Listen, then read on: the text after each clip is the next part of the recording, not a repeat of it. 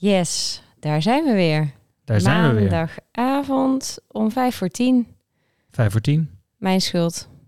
Dat klopt. ja, jij kwam last minute met het verhaal dat je moest sporten. Ja, Dat is ook belangrijk. zeker belangrijk. Maar niet als je nog een podcast wil gaan opnemen. Nu is het vijf Nee. voor tien. Nee, ja, klopt. Ja. Maar goed, laten we het gewoon gaan doen.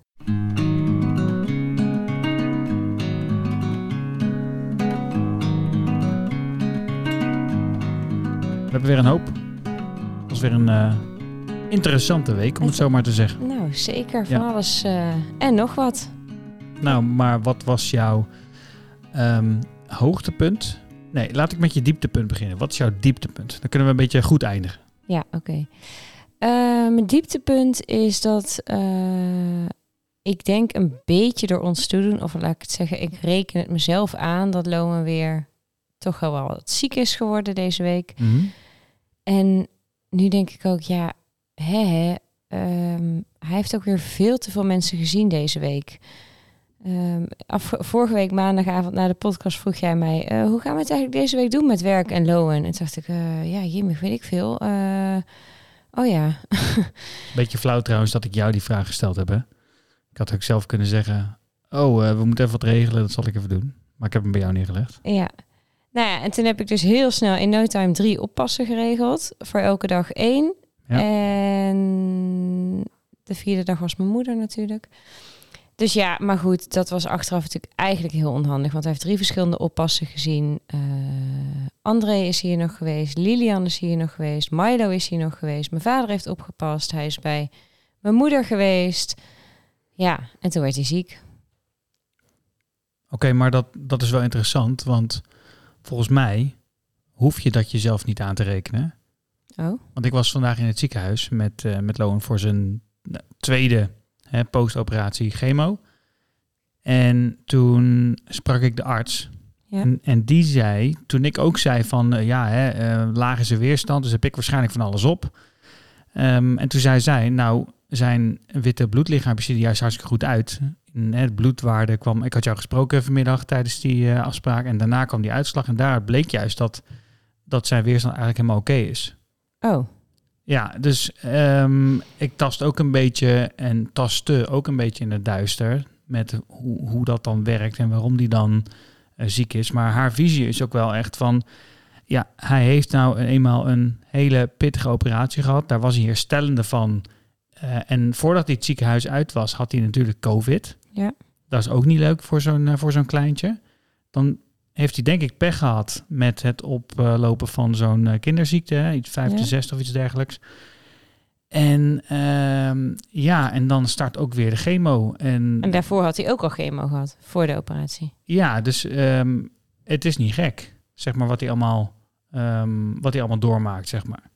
En Nee, maar dan zegt zij dus eigenlijk van het is eigenlijk gewoon de opeenstapeling van dingen. Eh eh, eh, chemo, operatie, covid, kinderziekte, nog een keer chemo. nog, nog twee keer, ja, nog een keer chemo. Wat dat lijfje allemaal maar moet zien te verwerken. Ja, want zij zei ook, eh, ze noemde het voorbeeld ook van, hè, dan ben je herstellende van de operatie. Dan ben je daarmee bezig. Van met Mhm. dat, jouw lichaam is bezig met beter te worden van die operatie. En dan krijg je COVID. En dan moet daar zeg maar in één keer de aandacht naartoe. Want dat virus, dat ken je niet. En Ja. dan, dus eh, ze vond het allemaal... eh, ze zei ook, hè... ehm, ik beloof jullie, ik, als ik ongerust ben hier over de situatie... dan hoor je dat meteen, maar dat ben ik niet. Ja, oké. Maar eigenlijk zeg je dus, ja, dat hij ziek is geworden. Nou ja, hè, zijn lichaam heeft veel te verduren. Maar het is dus op dit moment niet zo dat hij vatbaarder is dan normaal. Omdat eigenlijk zijn bloed nog goed is. Nou, ik vind het wel moeilijk om die vraag te beantwoorden. En dat komt ook een beetje door ehm, wat ik andere artsen de afgelopen tijd heb horen zeggen. Dat ze niet per se dat kunnen zeggen. ehm, als, je het, als je het andere zegt. Want jij zegt, zegt, ik zeg nu wat en jij zegt, oh, maar zeg je dan eigenlijk dat? En ik weet niet of dat hetzelfde betekent. Snap je wat ik Mm. bedoel? Ja, ik snap wat je bedoelt. Ik vind dat best wel moeilijk. Want ehm, misschien zeg ik dan iets verkeerds. Maar, Maar- in ieder geval lijkt het, in mijn theorie is een beetje op basis van wat ik haar hoor zeggen, dat het pech is. Mhm. Eh, en dat die opeenstapeling inderdaad eh, zeker niet helpt met het herstel. Ehm, en weet je, nu loopt hij ook te hoesten. Dan krijgt hij slijm van. ehm, daar zegt eh, Marion dan weer van. Eh, ja, kinderen of kleine kinderen die hebben vaak moeite met slijm, omdat ze dat niet verwerken. Dat slikken ze niet door en dat het blijft hangen. En dat. ehm, Zij kunnen niet een kan- goede roggel doen. Nee, waar je tegen ja, kan zeggen, nou, roggel even flink door. Dan kun je niet tegen lowen, waardoor ehm, dat soort kindjes vaak overgeven of spugen als ze op een gegeven moment heel veel slijm hebben. Dat dus Oh, ook ja. daarmee dan maaginhoud naar boven kan komen. Ja. Hebben wij het nog over gehad hoe het dan kan, waarom die zoveel uur na een maaltijd dan nog bepaalde dingen eruit gooit. Nou, toen zei zij ook dat dat... ehm, dat zij eigenlijk kijken naar of die gewoon goed doorspoelt, zeg maar. Ja, Dus of die- nog ontlasting ja, heeft hij ontlasting? Gaat dat goed? Weet je Ehm, eh, hij poept, hij plast en, ehm, en er gaat af en toe wat vocht in en er gaat eten in. Dan zou het oké moeten zijn. Hm, Nou, oké, dan is het eh, niet een heel diep dieptepunt. Nou. Nou, ja, nee, ook, ja, als je dat zo hoort en dan denk je, oh ja, mijn dieptepunt is misschien niet echt een dieptepunt, maar het is natuurlijk wel een gevoel hè, wat je hebt. Want ik heb Ja. ook die, ehm, nou, angst wil ik niet zeggen, maar gewoon die onzekerheid van wat is dit nou en waar Ja. ligt het nou aan? En ja, gewoon die dingen die je niet kent, wat moet je daarmee? Het geeft mij in ieder geval wel een gevoel, of hij nou wel of niet eh super verlaagde weerstand heeft. Het geeft mij in ieder geval wel een goed gevoel dat we de komende twee weken even met z'n vieren Ja. Echt vakantie hebben. En ook Ja. bewust ervoor hebben gekozen om even niet Jan en Alleman te zien. Even een soort van isolatie. Ja. Eh, dan kan het in ieder geval daar niet aan liggen. Nee, want het is natuurlijk wel zo. Hij is niet ehm, tegen alle eh, ziektes ingeënt. Eh, het is niet zo dat hij alle kinderziektes al gehad heeft en daar de weerstand tegen opgebouwd heeft. Nou, hij is wel, te- hij is wel eh, gevaccineerd voor alles waar hij tot nu toe voor Ja, gevaccineerd pre- ja, nee, precies. moet maar, zijn. Precies. ehm, ehm, maar laat ik zo zeggen, eh, hij kan nog steeds dingen oplopen, Ja. net zoals wij dat kunnen. Maar wij hebben bijvoorbeeld al ervaring met eh, griepen en van Ja, alles en ja, nog ja. wat. Dat heeft hij niet. En dat helpt natuurlijk niet als je gewoon bezig bent nog steeds te herstellen Ja. van al die dingen waar we het net over hadden. Dus het mag zeker een dieptepunt zijn. Oké. En die van jou? Had ik nog niet gezegd, hè? Nee. Nee. Nee, als bij jij was begonnen. Ehm, ja, gisteren.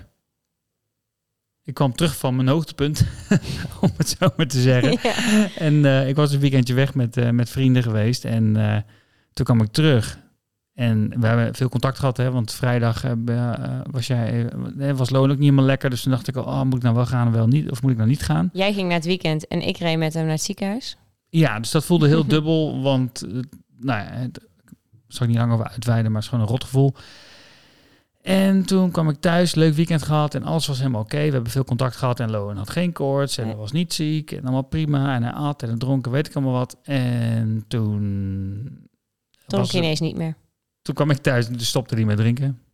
Ja, zeg het maar. Nou, toen Geen zei idee. ik, we gaan nu de thuiszorg bellen, want hij had zijn zonde er al wel lang weer uit van de week. Ja, dus, Dus we, ik zei, hadden de zonde dit- eruit gelaten, hè, want Ja. we- hij dronk en at daarna prima. Dus we dachten, prima, lekker laten. En dan zien we maandag wel even wat we gaan doen. En toen stopte die zondag in één keer met, eh ja, begon hij de fles weer te weigeren, zeg maar. En begonnen weer van die stinkboertjes te komen. En toen dacht ik, oh nee, daar gaan we weer. Ja, En dus eh, toen af en toe een de- beetje hikken. En toen dacht ik, oh, daar gaan we weer. Ja, dat was later nog. Want eerst heb ik Ja. de thuiszorg gebeld. Zo van, kom die zonde ermee in doen, want hij drinkt niet meer. Oh ja, En nou, zij zat nog niet in de auto eh, vanuit Den Bosch. En toen eh, was het alweer ja raak. dat was alweer raak. Toen had hij weer overgegeven. Ja. En dat was voor jou dus je dieptepunt. Ja, ik, Jij vertelde mij net ja. dat je gisteren hebt zitten huilen terwijl dat allemaal gebeurde. Maar Nou, ik heb dat, even toen, gemist. Toen dat gebeurde, ja, jij was op dat moment aan het poetsen. maar toen dat gebeurde, toen, toen dacht ik echt bij mezelf, oh mijn god. De bel.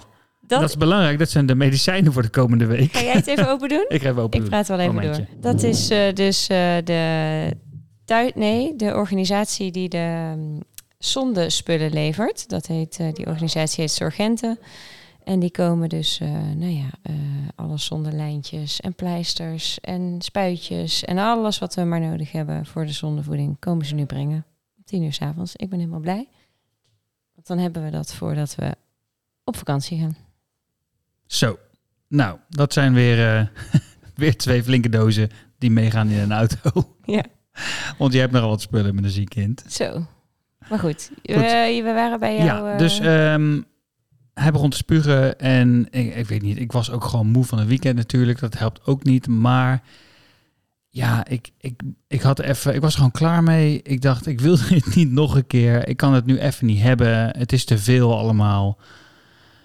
Kan het gewoon niet even één dag voor mijn gevoel even niks, even rustig, geen zonde, perikelen, geen ik wil mijn fles niet eten of ik kan niet slapen of whatever, maar ik was er gewoon even helemaal klaar mee. Ja. En, ehm, en dat slikte ik even weg. En toen we, ik weet niet, daarna ergens naar boven. En toen ging ik hem, had ik hem op zijn uh, verschoonkussen gelegd.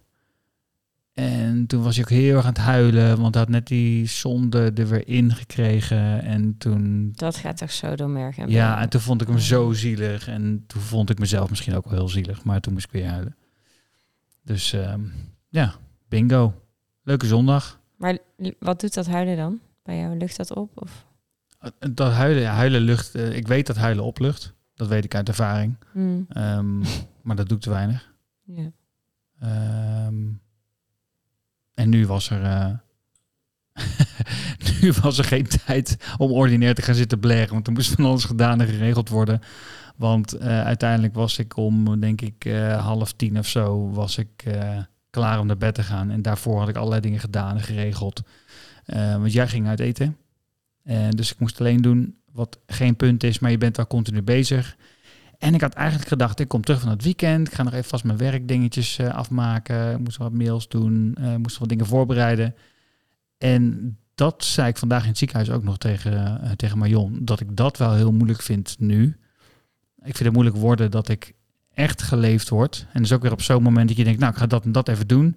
Daar komt helemaal niks van terecht. Je bent Ja. de hele rest van de dag gewoon bezig met hem. Continu. Ja. Nu ook gisteren vooral omdat... In de gaten houden. Ja, eh, omdat een we dus water inmiddels- erbij in doen. En- Ja, oh. omdat we dus weten dat hij dan niet zoveel kan hebben, zijn we gisteren via de zonde elk kwartier 5 milliliter, dus helemaal niks, Nee. 5 milliliter water geven. Omdat we vanuit vorige weken wisten, als je dan te veel geeft, dan hop, komt alles er weer uit. Dus elk Ja. kwartier moest jij er weer heen met een spuitje Ja. met 5 milliliter water. Ja, en ehm, waarom ben je ook zo voorzichtig? Omdat we hem meteen een, eh, soort van Mm. anti-misselijkheidsmedicijn gegeven hebben. En je wil zeker, en dat moet ook via de zon, dat moet ook met water. En je wil zeker dat dat erin blijft. Ja, Want dat, dat kan helpen als hij dat eh, binnenhoudt natuurlijk. Dus inderdaad, ik heb dat een aantal kwartieren gedaan. En toen ehm één of twee keer getest met iets meer. Omdat ik dacht, ja, eh, het doel was eigenlijk om te kijken of hij misschien weer naar zondevoeding toe kon. Hè?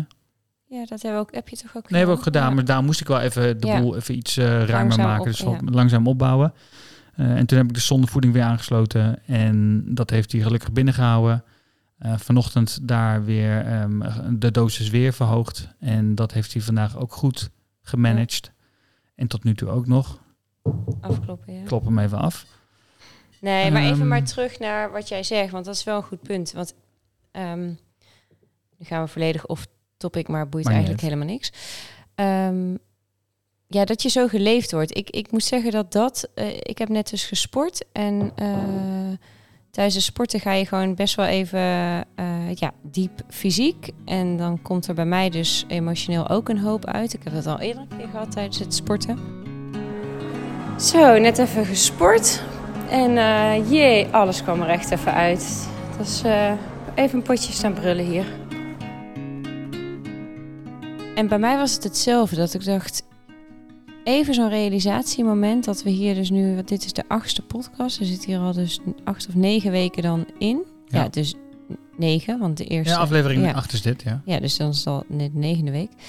Ehm, ja, het is gewoon best wel... Het is op het geheel, realiseer ik me echt, is het kort. Als wij hier straks klaar mee zijn, dan hebben we, zijn we echt, echt, echt mazzelkonten. Maar er nu middenin zittend is toch lang. Het is gewoon al negen weken gekkenhuis. Dat is meer dan twee maanden. Ja. Er worden continu geleefd. Je moet je bijna elke dag aanpassen aan wat die dag brengt bij hem. En dat is eh, best wel heel vaak heel anders dan we eh, verwacht hadden en gehoopt hadden. Heel onvoorspelbaar, hè? Heel onvoorspelbaar. We moeten continu schakelen. Hoe vaak wij al wel niet koffers hebben gepakt. En we hals over kop ergens naartoe. En eh, ja, weet ik veel, s'nachts eruit. Nou ja, En vandaag ook, hè, dat jij, dat dan heeft dan misschien niet zoveel met onvoorspelbaarheid te maken, maar ik, haak even aan op, eh, op koffers. mhm. Dat je ook ergens in één keer een onderbuikgevoel krijgt van, mm, Misschien zegt zij in het ziekenhuis wel dat hij een nachtje moet blijven. Dus Ja. hup, meteen weer alles uit de kast. Koffers bakken voor mij, voor hem. Ja. En hup, alles weer in de auto. En eh dan ga je weer. Ja, en dat was dus vrijdag ook. Ja, het is gewoon, dat herken ik wel. Je wordt zo geleefd en we zitten, het is gewoon al negen weken lang niet een normaal leven. Sterker nog, een abnormaal, onzeker. Raar leven. En dat begint denk ik wel een beetje zijn tol te eisen. Ja, ik heb dat eerder, volgens mij vorige week gezegd dat ik... ehm, je wordt een beetje ongeduldig, hè, omdat je weet dat je goed nieuws hebt gehad. Ja. En dan word je ged- ongeduldig, want eh, Laat het Alleen- maar klaar zijn. ja, laat het maar klaar zijn. Ja. En, ehm, en je weet dat je aan de andere kant ook gelukkig mag zijn met dat je nog maar zo kort hoeft Mhm. en dat het dan klaar kan zijn. Maar inderdaad, zeker eh, dat je dan op een donderdag goed nieuws krijgt, maar dat je eigenlijk op dat moment de meest heftige week hebt, hè, waar Ja. we het vorige week over hadden.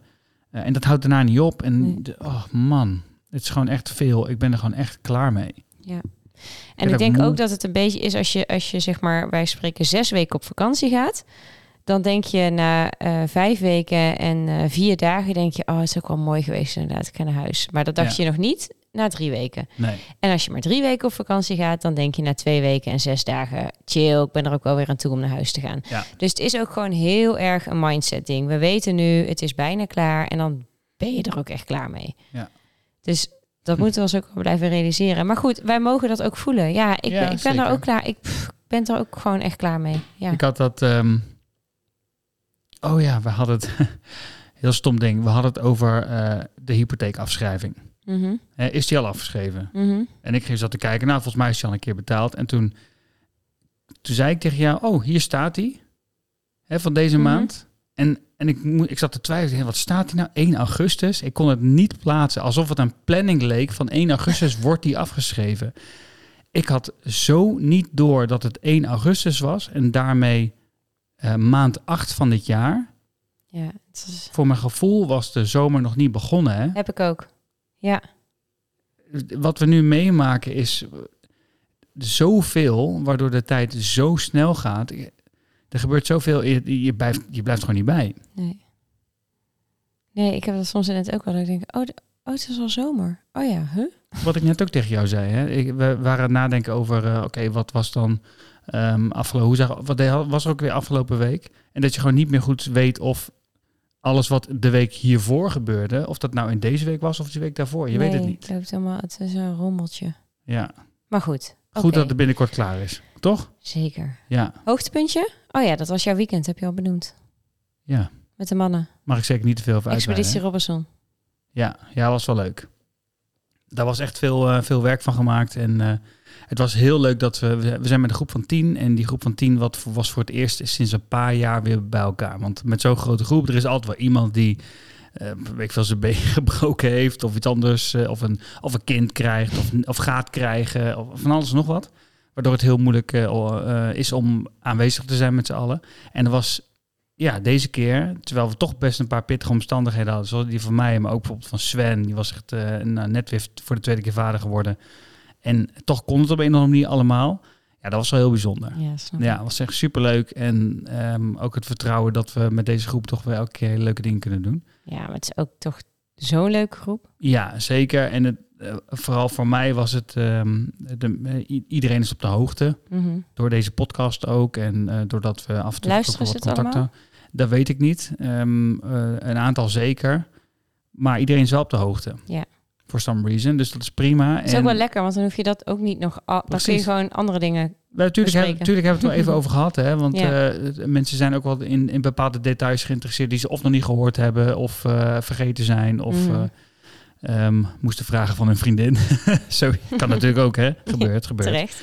Ja, ehm, maar dat is het dan ook wel. En voor de rest gaat het gewoon als vanouds. Gewoon Ja, lekker lekker. weer eh, spellen spelen, een beetje bier drinken en eh, gewoon op stap met z'n allen, lekker uit eten. Ja, echt, het was echt eh, heerlijk. Het was echt lollig. Dus daar heb ik even goed van genoten. Terecht Ja. ook. En ik ben blij dat het allemaal goed ging. Ik vond dat wel even... Ik had er wel even zo het er... Ja, hoe moet ik dat nou zeggen? Moeilijk mee? Ja, moeilijk wil ik niet zeggen. Maar ik dacht wel van... Ja, damn, moet je dit nou wel gaan doen? En dan zit ik hier alleen met twee kinderen. En het gaat de hele tijd mis. Dus waarschijnlijk dit weekend ook. En hoe ga ik dat dan fixen? En tegelijkertijd alles in mij schreeuwde: nee, nee, nee, je moet gaan. Want dit is zo fijn. Jij moet ook kunnen opladen. Jij zit hier ook al negen weken in. Dit is gewoon. Ja, keek, keek hier ook al heel lang heel erg naar uit. Dus Ja. ik dacht, nee, je moet gaan. Het was ook wel echt ver weg, meer dan twee uur rijden. Dus je was ook niet zomaar terug. Dus daar had ik wel bij mezelf zo'n interne struggle. Dat ik gunde het jou zo erg. En ik vond ook echt dat je moet ga moest gaan. Maar ik dacht wel, ja, en ik dan? Hoe, ga, hoe gaan we dit Ja. fixen? En dat begon dus inderdaad, uiteraard vrijdag, toen jij op punt stond om weg te gaan. Het is vrijdag, kwart voor zes en ik zit weer in het ziekenhuis. Echt, ik ben er nu wel echt een beetje klaar mee. Maar, eh, nou ja, hij had vannacht koorts, heel veel huilen, allemaal gedoe. En toen vond de oncoloog het, nu die vanmiddag weer koorts had, toch beter dat we ons weer zouden melden in het ziekenhuis. Dus we zitten nu te wachten tot er een arts komt die zijn bloed gaat afnemen. En dan moet dat nog allemaal eh, nou ja, naar het lab. Dus dat gaat natuurlijk allemaal weer lang duren. Dus ik verwacht dat we hier weer gezellig een nachtje slapen. Ik moet zeggen, het huilen staat me nu al een beetje nader dan het lachen. Ik ben er wel echt even helemaal klaar mee. Maar goed, het moet, dus we gaan het doen. Toen moest ik met hem naar het ziekenhuis. Nou, gelukkig Ja. was ik daar heel snel van terug, want zijn bloedwaarden waren oké en allemaal prima. En gelukkig is het dus eh, die nacht goed gegaan verder en zaterdag ook. Ja. Eh, dus, nou, super blij. Dat, Ik voelde die vibe bij jou wel, hè? ja, maar Ik ik, bedoel, eh, ja, hebben- maar ja, ik het dat ook laten merken, toch? Nee, ja. tu- eh, tuurlijk. Ehm, en weet je, ik had, eh, ik had ook het dubbele gevoel van, hè, krijgt nou wat, hé. Weet je wel, als Ja. eindelijk dat weekend, ik kan dus blijkbaar toch mee, want het gaat goed. En dan gaat het toch weer niet goed. Ja, Dus dat- dan, daar baal je van. Tegelijkertijd maak je ook meteen weer zorgen over je kind. Je vindt het vervelend voor je vriendin. Dat ben jij. Ehm, en dan zit je met die dubbele gevoelens. Moet je nou wel of niet gaan? Dus ik had mezelf voorgenomen. Oké, we hebben sowieso contact eh, op de rit er naartoe. En als het vandaag zo is dat jij moet blijven. Want ja, dat was bij oma. Ja. Dan rijd ik morgen meteen weer terug. Ja. En dan had ik daar ook gewoon heel goed rekening mee gehouden op de avond zelf. Ehm, dus, eh, m- dus ja, dat vond ik wel moeilijk. Dus ik heb ook eh, eh, regelmatig gebeld en gefacetimed met jou op de avond. Hè, dus vrijdagavond om te kijken hoe gaat het dan. En Ja. Gelukkig ging het op een gegeven moment goed. nee, het was Ja. prima. Ik ben blij Behalve dat je thuis kwam. Ja, het was weer 29 graden op zijn kamer. Dus voordat ik dat weer op een normale temperatuur had. En het was vet laat. Toen was ik even over de zeik, ja. Ja, en dat mocht je allemaal bij mij eh Ja, neerleggen. toen heb ik je even woedend opgebeld. Maar goed, oké. Eh, even denken. Heb ik ook nog hoogtepunt een en dieptepunt hoogtepunt? eh, gehad van mij. Ja, van mij nog Ehm, niet. Ik weet even, ik weet oprecht geen hoogtepunt. Nou, jij zei net dat je het heel fijn vindt dat je vakantie Oh hebt. ja, dat is mijn hoogtepunt, tuurlijk. Ja. Het is vakantie. Ja. De, de vakantie is begonnen. Lijkt het al vakantie? Nee, Komt dat? ja, pff, weet ik veel. Eh, toch gewoon even weggaan. Even op Ja. een, in een ander huis in de buurt weliswaar. Maar toch een ander huis met een tuin. Dat is eh, denk ik wel even fijn. Maar gisteravond ben ik dus inderdaad uit eten gegaan eh, geweest. Hoe zeg je dat? Met Ilse Monique. En dat was wel echt even heel fijn. Daar keek ik ook heel lang al naar uit. Ja, Ik klopt. had er heel vaak geprobeerd. Kunnen we niet even wat afspreken? Kunnen we even het eten? Nou, voordat je dan alle agenda's matchen. En zij is natuurlijk ook niet elk weekend thuis. Nee, dus dit was echt even heerlijk. Even eruit. Even Ja. weer jezelf eh, vrouw en mens voelen. ja, gewoon eh, mooi, lekker mooi aankleden en eh, Ja, gewoon lekker eh, dineren. Heel glaasje wijn erbij, lekker toch? dat is echt fijn.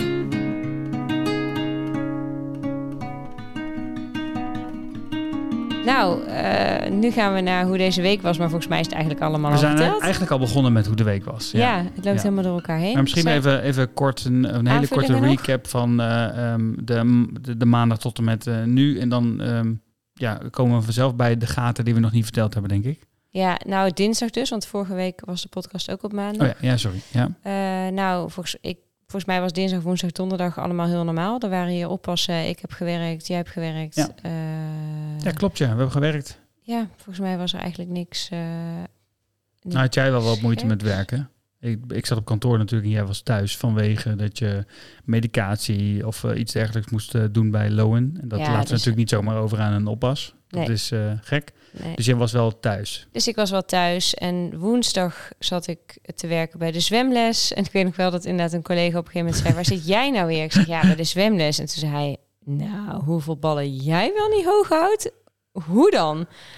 Ik zei, ja, ik weet het soms ook niet. Maar goed, dan zit ik dus daar weer te werken uiteraard. Gewoon hup, dat bad in. En dan ga ik gewoon... Ze moest drie uur lang zwemles.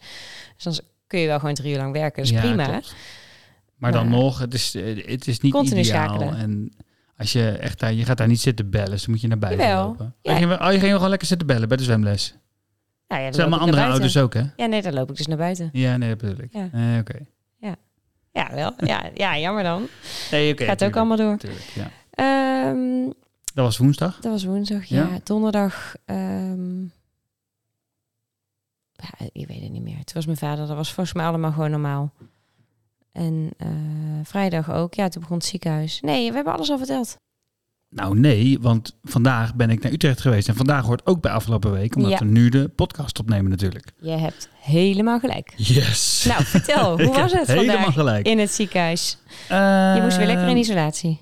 Ja, want de vorige week had Lowen zo'n, eh, weer zo'n staaf in zijn neus gehad. Want hij moest eh, een, een coronatest doen, hè, protocol. En toen was hij nog mild Positief. positief. Dat is blijkbaar ook een, ehm, een uitslag die je kan hebben.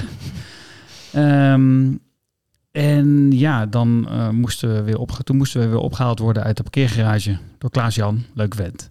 En ehm, dat was dan, vond ik dan wel, wel gezellig eigenlijk. Gewoon een beetje hoeren. En eh, bij de lift zette hij mij af en dan ging hij me bovenaan de lift weer ophalen, want hij ging met de trap. Je moet nog even je foutje opbiechten. Ja. Voordat wij naar het Maxima Centrum moeten, hè, als hij chemo krijgt, dan Nou, moeten- überhaupt waar je ook heen gaat, als je naar het ziekenhuis gaat. Ja, dat klopt eigenlijk wel. Ja. Nou, in ieder geval. Goed, mijn foutje. Voordat je naar een ziekenhuis toe gaat met Lowen, moet hij een EMLA-pleister op zijn portacat, oftewel zijn pak, krijgen.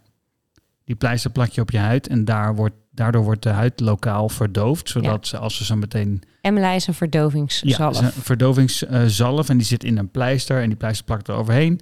En dan wordt dat stukje lichaam verdoofd, waardoor het aanprikken geen tot minder pijn doet. Ja, heel kritisch. Het doet dus geen pijn om door de huid te prikken. Dus echt een flinke naald. En Ja. dat voelt hij dan niet. Nee? Maar die portacat zit wel eh, tussen zijn huid en zijn spierweefsel. En Ja. druk maar eens zo op je borst heel hard. Dat doet echt pijn op je spieren. Dus hij, hij krijst alsnog altijd heel hard. Ja, maar dan is het je dan ook, eh, spieren. dat ja. druk je hard op. Ja, want je krijgt puntbelasting en dat is Ja. natuurlijk eh, de, de veel meer eh, druk per vierkante Ja, centimeter. dus ik vind dat ook altijd heftig om mee te maken. Daar krijgen ze ook zelfs een kraal voor. Dat is Ja. heftig genoeg om een kraal elke Ja. keer voor te krijgen. Dus dat is niet leuk, maar de, het prikken door de huid, dat verdoof je dus met die zalf. Ja. En dat moet je dan van tevoren opplakken, want dat moet een uur intrekken. Ja. En dat was je vergeten. Dat was Ja. ik vergeten. Dus toen liep de planning in de soep daar. Maar ik heb eh, eh, sorry gezegd tegen Lowen. Ja, weet ik. Tegen Lowen. Nee, dat is niet waar. Tegen de arts, omdat hun planning daarna in de soep liep. Ja, want dat is, wel, dat is wel echt ruk. Want dan kom je in het ziekenhuis en dan zeg je... Ja, ik ben de MLA-pleister vergeten. Oh, oh. eh, nou, dan ga ik wel even terug naar de computer om even te kijken. Ja, want dan moet iedereen een uur later. Ja, en toen heet dat, Martine en Marion, die kwamen ook al langs. Nou, we komen even kijken, want we hadden nog niet gehoord, we waren nog niet opgehaald. En eh, oké, dus ik heb tegen iedereen gezegd, sorry, mijn fout. En Marleen zal het nooit meer weer doen. en toen, ehm, eh, toen was alles oké. En eh, maar in die end, waar het om ging, alle vragen die jij Marleen vorige week vergeten was te stellen, Mhm. hebben we allemaal wel kunnen stellen. Ja, Heb maar ik jij had zelf kunnen stellen? gemaild. Ja, dat klopt. Dat klopt. Nee, dus dat, ehm, ehm, dat, is wel, dat is wel fijn dat zij nog die toelichting konden geven op de vragen die, ze, die jij ze gesteld had per Ja, mail. ja. Die hebben we nu toegelicht gekregen. En we konden in ieder geval gewoon even hem op een tafel leggen en zeggen: kijk nou eens naar hem. Wij zien dit, wij voelen dit. Wat moeten we daarmee? Ja. Dus dat was, eh, dat was heel fijn. Het aanprikken van de pak ten opzichte van vorige, eh, in vergelijking met vorige week ging goed. Als in gewoon meteen de dwars doorheen en op de juiste plek. Dus dat was. eh, Ja, chill. Dat was ja, vrijdag ook in de bos. Ging het ook meteen goed. ja, nee, dat is, dat is heel prettig, want Ja. dat, dat is een hoop geze, gezever en gezanik. Ehm, weet je, en ik heb nu eens daarop zitten letten van wat gebeurt er nou? Op het moment dat die pak aangeprikt wordt, Mhm. dan is er al behoorlijk wat aan hem gepulkt. Hè, want dan, d- ja, er gebeurt van alles. Zijn zijn bloeddruk moet gemeten worden en bij hem lukt dat nooit Nee. in één keer. Dat, en ook niet in twee of drie of vier keer. Nee, ik zweer het. Nou, vandaag, dit is echt geen grap. Er kwam een mevrouw binnen, eh, Carla, vier keer. Niet gelukt. Toen ging ze weg. Toen kwam vervolgens Jacqueline. Die kan het ook doen. Dat lukte niet. Met een ander apparaat erbij. Toen kwamen er nog twee binnen. Die gingen het overnemen. Dat lukte ook niet. Ze hebben, ik zweer het, ze hebben het echt heel vaak geprobeerd. En in de tussentijd gingen we elke keer wat anders doen. Nou, laten we hem even wegen en laten we hem even meten. En eh, dan wordt hij dus elke keer weer, in al die acties wordt hij weer gepakt en wordt hij weer Ja. overgegeven. Want ook ik, als ik hem pak om te meten, want met de weegschaal, eh, die kinder babyweegschaal, die is te klein. Mhm. Dus wat doen we? Ik hou hem vast, ga op de weegschaal staan en daarna geef ik hem af. Maar ja, hij zit dus aan een draad, dus dat is ook allemaal weer stoeien. En je zit in een klein kamertje. gedoe, kortom. Het is een hoop gedoe. Dus hij wordt ook helemaal zagrijnig. En dan moet hij nog ehm, de chemo en al de, en het bloed afnemen. En weet ik allemaal wat. Ja, dat, daar wordt hij gewoon echt heel aan relaxed van. En hij vindt het sowieso al heel graag relaxed als je aan hem zit. Ja. Dus ja, dat is, eh, dat is ook... En ik kan me voorstellen dat jij dat ook echt niet, eh, niet goed trekt. Nee, ik vind dat echt heel zielig. Dat gehuil en gekrijs en, Ja. en Ik ben dan misschien wat standvastiger. Dat ik gewoon zei, oké, ik weet het. Ik pak zijn hoofd, houtgreep. En dan Ja. eh, hup, hup, hup. Maar ik moet zeggen dat het ook met de keren vind ik het heftig worden. Ik vond al die eerste keren tot aan de operatie vond ik het eigenlijk allemaal reuze meevallen. Ehm, ik- toen kon ik het allemaal heel goed aan, maar ik, ik, ik krijg er steeds meer moeite mee. Maar de frequentie ligt ook gewoon hoog. Het moet gewoon vaak. Ja, want waar het eerst eh, elke week naar het ziekenhuis was... Zitten we nu elke keer tussendoor ook alweer Ja. in een bos waar ook weer van Ja. alles gebeurt. Dus het is gewoon, ja, ik weet niet. Ik wil gewoon mijn kind niet zien lijden en dat is gewoon aan relaxed.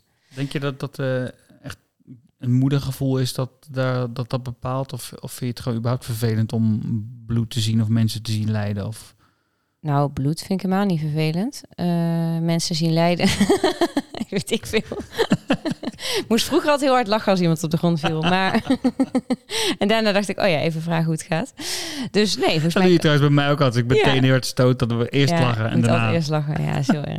een soort Maar- van zalf. Ja, ja, maar nee, ik weet, nee, ja, is dat een moedergevoel? Heb jij dat dan helemaal niet? Ja, nee, ik vind het wel naar Nee, als zo'n ja. klein jochie zo... eh, Ik vind het ook heel vervelend eh, voor hem. ja. Maar ik, om, omdat ik weet dat het moet gebeuren en, en weet je, hoe, hoe makkelijker eh, ik ben, of hoe chiller ik ben, ja. hoe chiller hij zich kan voelen, zeg maar. Ja, Als hij zo. bij mij de spanning en de paniek voelt, ja, dat Mhm. gaat echt niet helpen. Dus, en daar ben ik me heel bewust van. ja, dat heb ik ook. Dus ik, ik probeer dan ook wel echt te ontspannen. Ja, maar door, ik, door mij te laten gaan naar ja, het ziekenhuis. Nou ja, bijvoorbeeld. Of nee, vorige week was ik erbij en toen heb ik de pak en dat ging dus heel mis. Ja. Ja. dat vond ik echt naar. En toen moest hij nog die eh, eh, coronatest. En toen, dat heb ik mijn moeder laten doen. Toen heb ik gewoon even, echt even, ben ik op een afstandje gaan staan en heb ik de andere kant op gekeken. Ja. Nou ja. Ja, nou ja, helemaal goed toch? Ja. Ik denk dat ik het eh, volgende week ook... Ja, nee, volgende week nemen we Jade mee, hè? Dat is, Ja. dat is het idee. Ja. Maar dan kun jij op dat moment met Jade ergens Ja. naartoe. En dan doe ik die sessie wel met hem. Ja. Dat is toch even een paar uur in een hok. En dan, eh, ik bedoel, dan doen we waar we goed in zijn, toch? En dan heeft iedereen zijn rol. Dat is prima. Mhm. Ik heb dit trouwens ook nog besproken met, eh, volgens mij, Brigitte.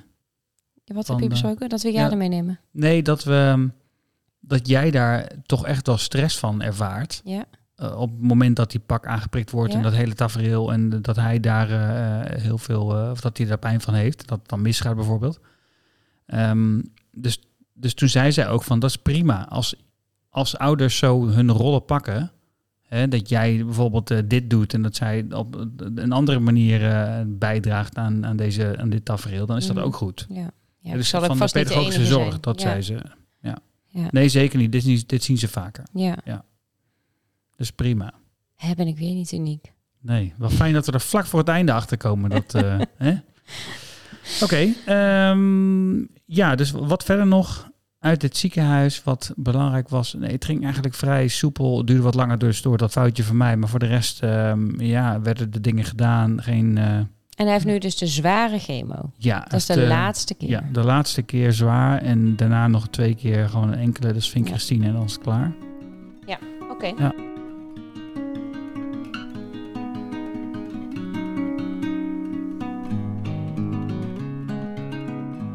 Oké, dan nu de vraagbaak van de week.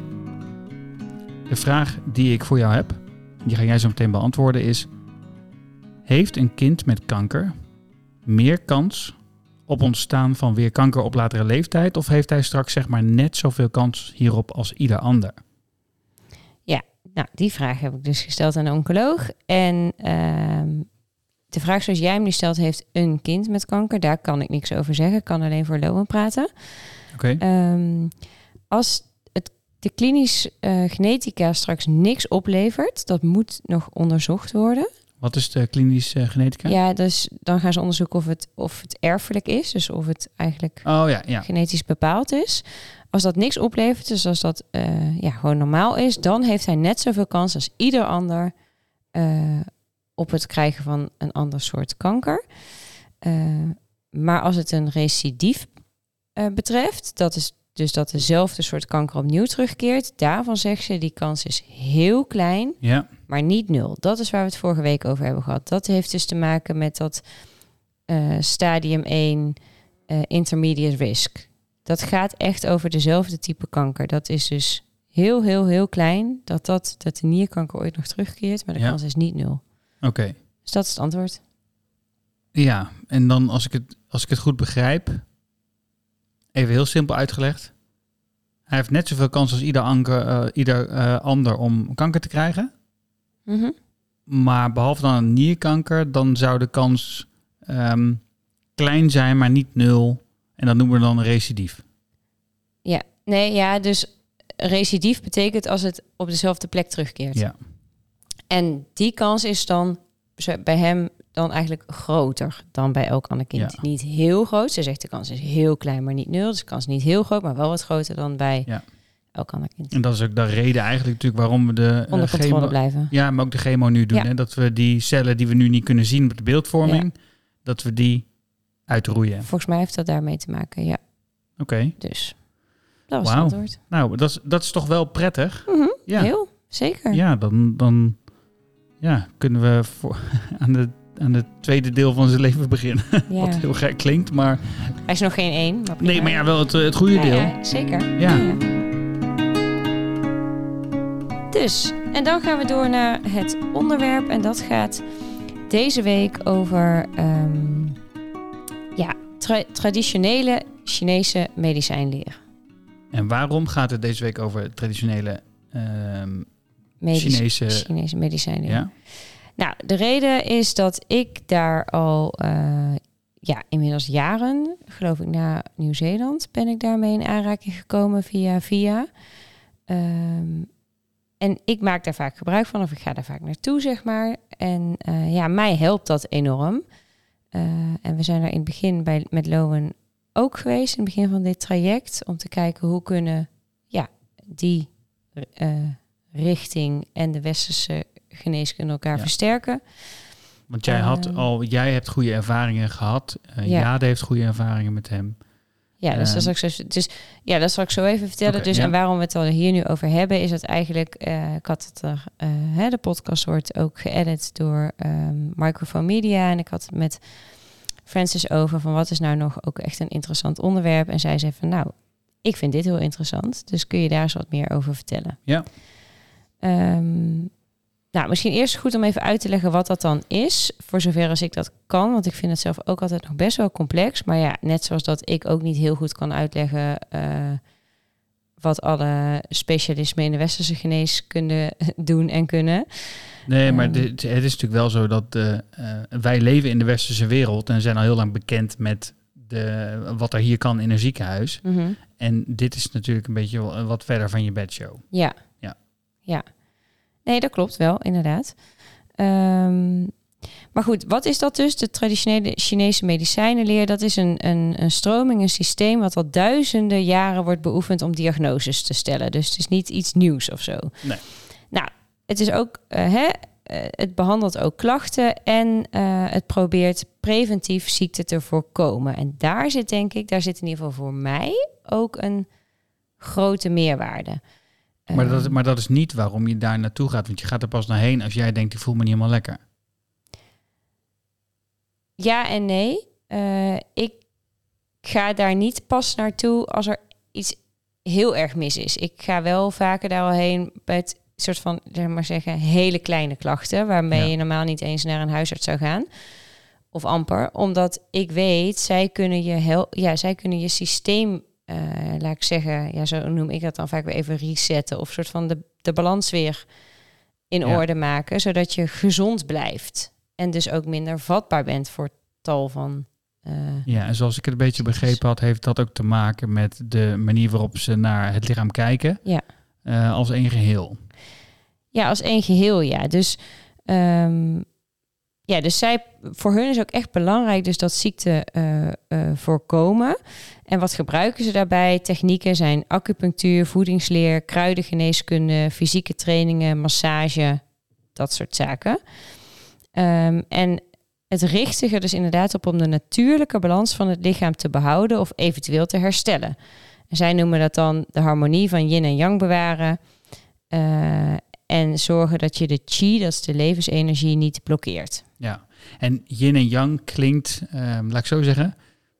Vroeger had je een, eh, een commercial die ging over de biostabiel. En iedereen heeft daar heel veel grap over gemaakt. Ging ook over yin en yang, was heel typisch, stond daarin. En eh, ik denk, oh, yin en yang, helemaal gek. Ehm, maar ik weet inmiddels ook wat meer van de Oosterse eh, vechtkunst bijvoorbeeld. En Mhm. daar is ook yin en yang, is super belangrijk. En chi ook. Chi is een soort van de, de levenskracht. Ehm, en ook met ook wat ik steeds vaker van jou hoor, is zit er voor mijn gevoel toch best wel wat logica in. Mhm.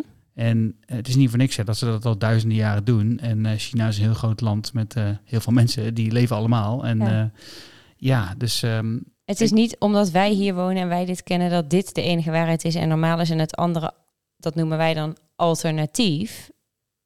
Ja, de waarschijnlijk zien de Chinezen zien wat wij hier in Nederland zitten te doen als alternatief. Dus dat is Ja. natuurlijk maar heel erg met welke bril je ergens naar kijkt. precies. We hebben hier natuurlijk in het Westen ehm, eh, bouwen we op feiten. Wat we kunnen zien, wat we kunnen observeren. Ja, maar dat doen zij ook hè, op hun manier. Zeker, zeker. Ehm, maar zij, ze, ze denken meer over ook over hoe je hele lichaam met energie werkt. Ja, En dat is iets wat denk ik de belangrijke factor is die de westerse kant kan ondersteunen. ja. Ja, dus de dingen die, die ik daar vind, dan leg ik het in mijn Jip en Janneke taal uit. Waarvan ik het waardevol vind en waarvan ik vind dat het wat toevoegt aan wat wij hier in de westerse geneeskunde doen. Is inderdaad dat zij gericht zijn ook op de preventie. Niet alleen symptoombestrijding, maar de preventie van ziekte. Zorgen dat je lichaam in balans is. Ehm, dat ze kijken naar het lichaam als geheel. Dus eh, nou, pijn aan je knie betekent niet per se dat er een issue in je knie is. Dat heb ik dan heel, eh, als heel concreet voorbeeld bij mezelf, zal ik zo even benoemen. Dus veel meer naar het gehele lichaam kijken. Ehm, ja, dat, ja, ik geloof daar dus in. Dus misschien kan ik dat ook dan uitleggen. Dus ik, ik ga daar dus geregeld heen. eh, voor ja, van alles en nog wat eigenlijk. Ehm, bijvoorbeeld. Maar, maar waar, eh, ga je, waar ga je heen dan? Misschien moet je dat, want dat is misschien nog een beetje vaag. Waar ga je heen? Ja, dat is dus een praktijk eh, Ja, is- die is een- is deze een- traditionele Chinese genees, medicijnleer, sorry, Ja. Ja. beoefent. Ehm, en ik ben er ooit gekomen en heel eerlijk gezegd weet ik niet eens meer waarvoor, maar het, wat me nog het meest bijstaat van de, een soort van, laat ik zeggen, openbaring, is dat ik eh, daar kwam en gewoon van alles ging vertellen waar ik dan last van had tussen haakjes. Dus ik moest gewoon een totaalplaatje schetsen. Eh, en toen noemde ik onder andere dat ik heel erg last heb van mijn knie altijd, destijds mijn linkerknie. En ik had destijds ook eh, vaak pukkeltjes in mijn nek. Nou, had voor mijn gevoel helemaal niks met elkaar te maken. En dat was ook helemaal niet waarvoor ik daar kwam, maar ik noemde het wel allemaal. En de grap was dat ik voor die knie had ik zelfs al een MRI-scan gehad. kwam niks uit. Ik had bij eh, in een kliniek, Bergman kliniek geloof ik zelfs, had ik eh, van die spuiten allemaal in mijn knie gehad. Nou, mensen, Oh, ja, ik weet niet eens meer precies wat het allemaal is. Dan moet ik dan echt weer nazoeken. Maar heb ik nu niet opgezocht. Maakt ook niet uit. Maar spuiten om dus het ja, te verdoven en kijken of het dan nou ja, weggaat. Dus ik had van alles al geprobeerd. Maar tot, tot aan de MRI-scan aan toe is best wel ver. Iedereen zei, ja, er is niks met je knie aan de hand. Is gewoon, Want we kunnen niks zien. nee, er is Nee. niks mis mee. En ik, ja, hallo, ik had elke dag pijn. Maar ja, ja, er was blijkbaar niks aan de hand. Dus toen zat ik dus daar en toen vertelde ik al die dingen. En toen zei hij, oh, maar dat is grappig. Er loopt dus exact van achter je, vanaf, vanaf je hoofd, achter je oor, langs je nek. eh, nou ja, eh, helemaal over je lichaam. Precies op die plek langs je knie loopt een meridiaan. Dus dat jij last hebt van je knie, er is inderdaad niks mis met je knie, er is niks kapot. Maar hè, die meridiaan is zeg maar verstoord. Daarom heb je last van je knie of daar voel jij iets en heb je ook al die pukkeltjes in je nek. Hij heeft het behandeld. Nooit meer last van mijn knie gehad. Nooit meer pukkeltjes in mijn nek gehad. Wat heeft hij dan gedaan? Ja, wat hij dan gedaan heeft, is hij werkt met een. ehm, ik weet niet eens meer wat hij toen exact gedaan heeft. Want in- wat ik net al vertelde, hij heeft verschillende behandeltechnieken. Maar hij heeft in ieder geval een, ik noem het een, een apparaat. Dat heet een kwantumapparaat of een, ook wel skio genoemd. Ehm, maar daar zal ik zo even wat over vertellen. Want misschien eerst nog goed. Dus dit was dus mijn ervaring. Ja. En dacht ik, ja, zij kijken dus op een andere manier. Zij kijken dus niet van wat is er nou helemaal mis met je knie en we gaan je knie in een MRI leggen en als we niks zien, dan is er dus niks aan de hand. Nee, er was wel degelijk wat aan de hand. En dat is opgelost. En toen dacht ik, ja, zie je, er is dus meer dan hoe wij westers kijken. En dat is prima. Maar je kan het beide gebruiken. Nou, zo hebben we nog een voorbeeld. Dat eh Jade was eigenlijk de eerste twee jaar van haar leven heel rustig. Vonden we ook heel vaak heel relaxed, maar eigenlijk wel te rustig. Die was op een gegeven moment op een bepaalde leeftijd dachten wij was eens gewoon niet vooruit te branden, joh. En eh, nou, toen zijn wij daar geweest, want ze groeide ook niet. Ja, dat was hartstikke klein. We hebben met Jade trouwens ook een heel traject bij de kinderarts gehad, omdat ze haar groei achterbleef. Zij Ja. viel uit de curve, on, onder eruit, zeg maar. Ja. Ja. Ja, ze kwam niet mee eh, met eh, ons gemiddelde inderdaad. Nee. Nee, maar ze viel, ze zwakte af. Ja, nou ja, dat was allemaal niet goed, alarmbellen. En toen zijn we ook bij hem geweest om te kijken van wat, wat nou ja, kan hij dan iets vinden? Ja. En eigenlijk het enige wat hij toen vond was eh, dat ze helemaal niet goed tegen eh, lactose koemelk kan. Nee. Daar zijn we toen mee gestopt. Want ze dronk elke dag gewoon melk. Ja, weet ik veel. Ja, en we waren toen ook al met... Eh, yoghurt. En, Ja, ze kreeg al yoghurt 's ochtends. En Ja. eh, volgens mij was dat, dat was na Nieuw-Zeeland, denk ja, ik. daar, daar kreeg ze ook echt van die vol vette, net uit de koemelk. ja. Net uit de koe. Ja, maar niet eh, van die gepasteuriseerde pakken als hier. Nee, gewoon echt serieus. en wel, we gaven haar ook echt als ontbijt veel Ja. yoghurt. Of als avondeten, als we bijvoorbeeld al ergens flink geluncht hadden. Ja. Van, s s'avonds doe maar gewoon een bakje yoghurt. Ja, dus daar naartoe. En eh, toen zei hij, daar kan ze niet tegen. En toen zijn we daarmee gestopt. En echt letterlijk twee dagen later danste ze door het huis. En werd ze een super actief kind. En toen hebben wij elkaar ook aangekeken. Ja, jij weet het ook nog, want jij geloofde er eigenlijk niet in. Maar jij zei ook, ja, dit weet zij niet. Zij is twee. Zij zit nu niet... eh, Ze zit mij niet te blazeren nu. Nee, ze Nee. zit niet eh, wenselijk gedrag te vertonen. Het was gewoon, zij heeft gewoon al die tijd. ehm, Ze had altijd bolle buik. Ze sliep veel te lang. eh, ja, joh, die kwart voor tien uitslapen. En ik Ja. was natuurlijk alleen maar aan het shinen met het eh, feit dat mijn kind zo lang in bed ligt. Ja, maar die was gewoon, haar lichaam trok dat niet. Die had het Nee. veel te zwaar met al die Ja. voeding verwerken. Dus en de, hij- wij denken eigenlijk nu dat de energie die ze toen in het verwerken van de lactose heeft gestopt, eigenlijk had moeten stoppen in, In de groei. ja, En eh, daar ging het wel mis. En ehm, ik ben heel blij dat dat uiteindelijk eh, opgelost is toen. Ja. En dat we daar dus eh, ja, haar eetpatroon, haar voeding op hebben aangepast. Ja. En dat heeft geresulteerd in Kijk, en dan kun je zeggen van, ja, hoezo, dat kan de westerse geneeskunde ook. Nou, eerlijk, ik heb daar wel eens met de huisarts over gepraat en ik heb het ook veel van anderen gehoord. Als je gewoon bij de huisarts een allergie of een intolerantie wil opsporen, dan zeggen ze, ga maar gewoon een aantal weken iets niet geven. Nou, en als het geen baat heeft, dan ga je een aantal Ja. weken iets anders niet geven. En als dat geen baat heeft, nou, dan, dan ben je eeuwen bezig. Twintig weken verder heb je hoe dat, eh, nog geen schijf gehad.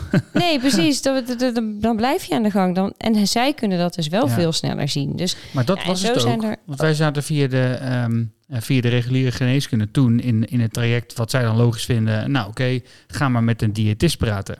ja, Hè? En die zei nou, ja, ze eet gewoon heel normaal. En ze, ze krijgt niet te weinig voeding of te veel. Het gaat helemaal goed. ja perfect. Wat zei Nou, dan tas je dus helemaal in het duister. Ja.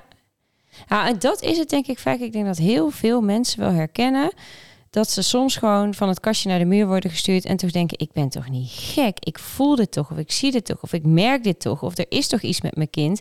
En dan wordt altijd gezegd: nee hoor, er is niks mis mee. Ja. Ja, nee, niet op de diagnose die we stellen, maar er, is, er kan wel iets anders mis Ja. zijn. En daarom geloof ik gewoon in het combineren van de twee Ja. eh, stromingen, zeg maar. En hoe, Ja, en inmiddels hebben tal van vrienden en familie van ons zijn allemaal daar geweest en hebben allemaal heel veel baat bij.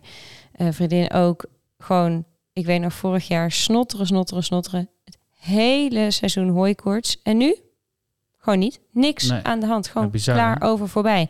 Ja, daar kun je honderd hooikoortspilletjes en drankjes en weet ik het wat er allemaal is, kun je gaan slikken om de symptomen te onderdrukken. Maar daarmee los je het probleem niet op. Nee. Nee, de, en dat is wel. Ik denk het eh, misschien een bruggetje ook naar wat we dan met Lowen doen. Hè? Ja. Eh, want ehm, ja, we willen natuurlijk ook kijken of we op die manier hem kunnen ondersteunen in dit traject. Ja. Heb je trouwens het idee, want we hebben misschien door de haast afgelopen tijd eh, een paar keer, eh, hè, we hebben een aantal druppels voor hem om hem te ondersteunen. Die zijn we misschien een paar keer vergeten in de Ja. haast. Afgelopen twee weken zijn we die denk Heb jij het idee dat we, dat, nee, misschien kun je dat niet eens zeggen, maar misschien heeft dat ook een negatief effect op me, dat hij daardoor wat ehm, minder geholpen wordt. Ja, dat weet je Dat nooit. weet je niet, maar nee. zoals je niks weet, zoals ook nu de oncoloog niet echt weet waarom hij steeds zo ziek is. Dus we weten heel veel dingen niet. En ehm, ja, ik heb dus inderdaad die druppeltjes die hem, eh, die, eh, even denken. In dit geval heeft hij druppels die ervoor zorgen, die zijn lichaam zeg maar optimaal maken, zodat een kanker minder kans heeft om te groeien. Gewoon het lichaam onaantrekkelijk maken voor een, een woekering, zoals zij kanker noemen.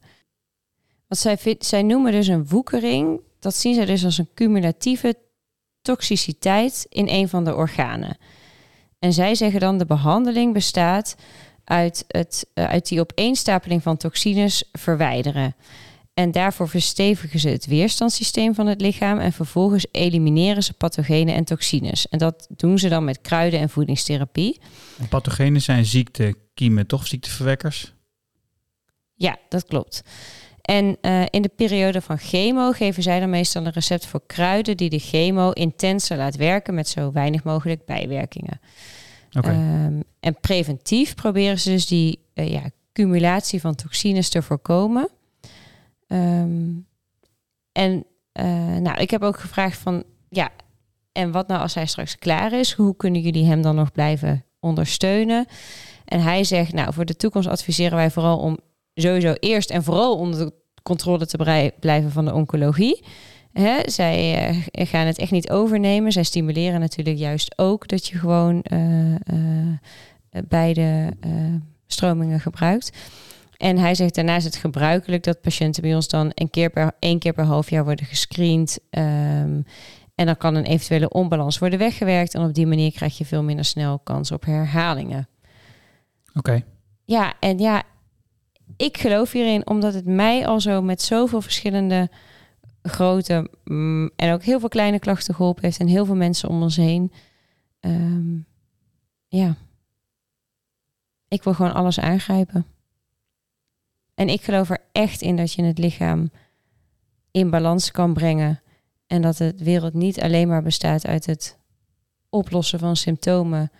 Dat je dat vooral altijd moet doen, maar dat je vervolgens dat het slim is om dan te kijken hoe kunnen we ervoor zorgen dat die symptomen een volgende keer niet terugkeren.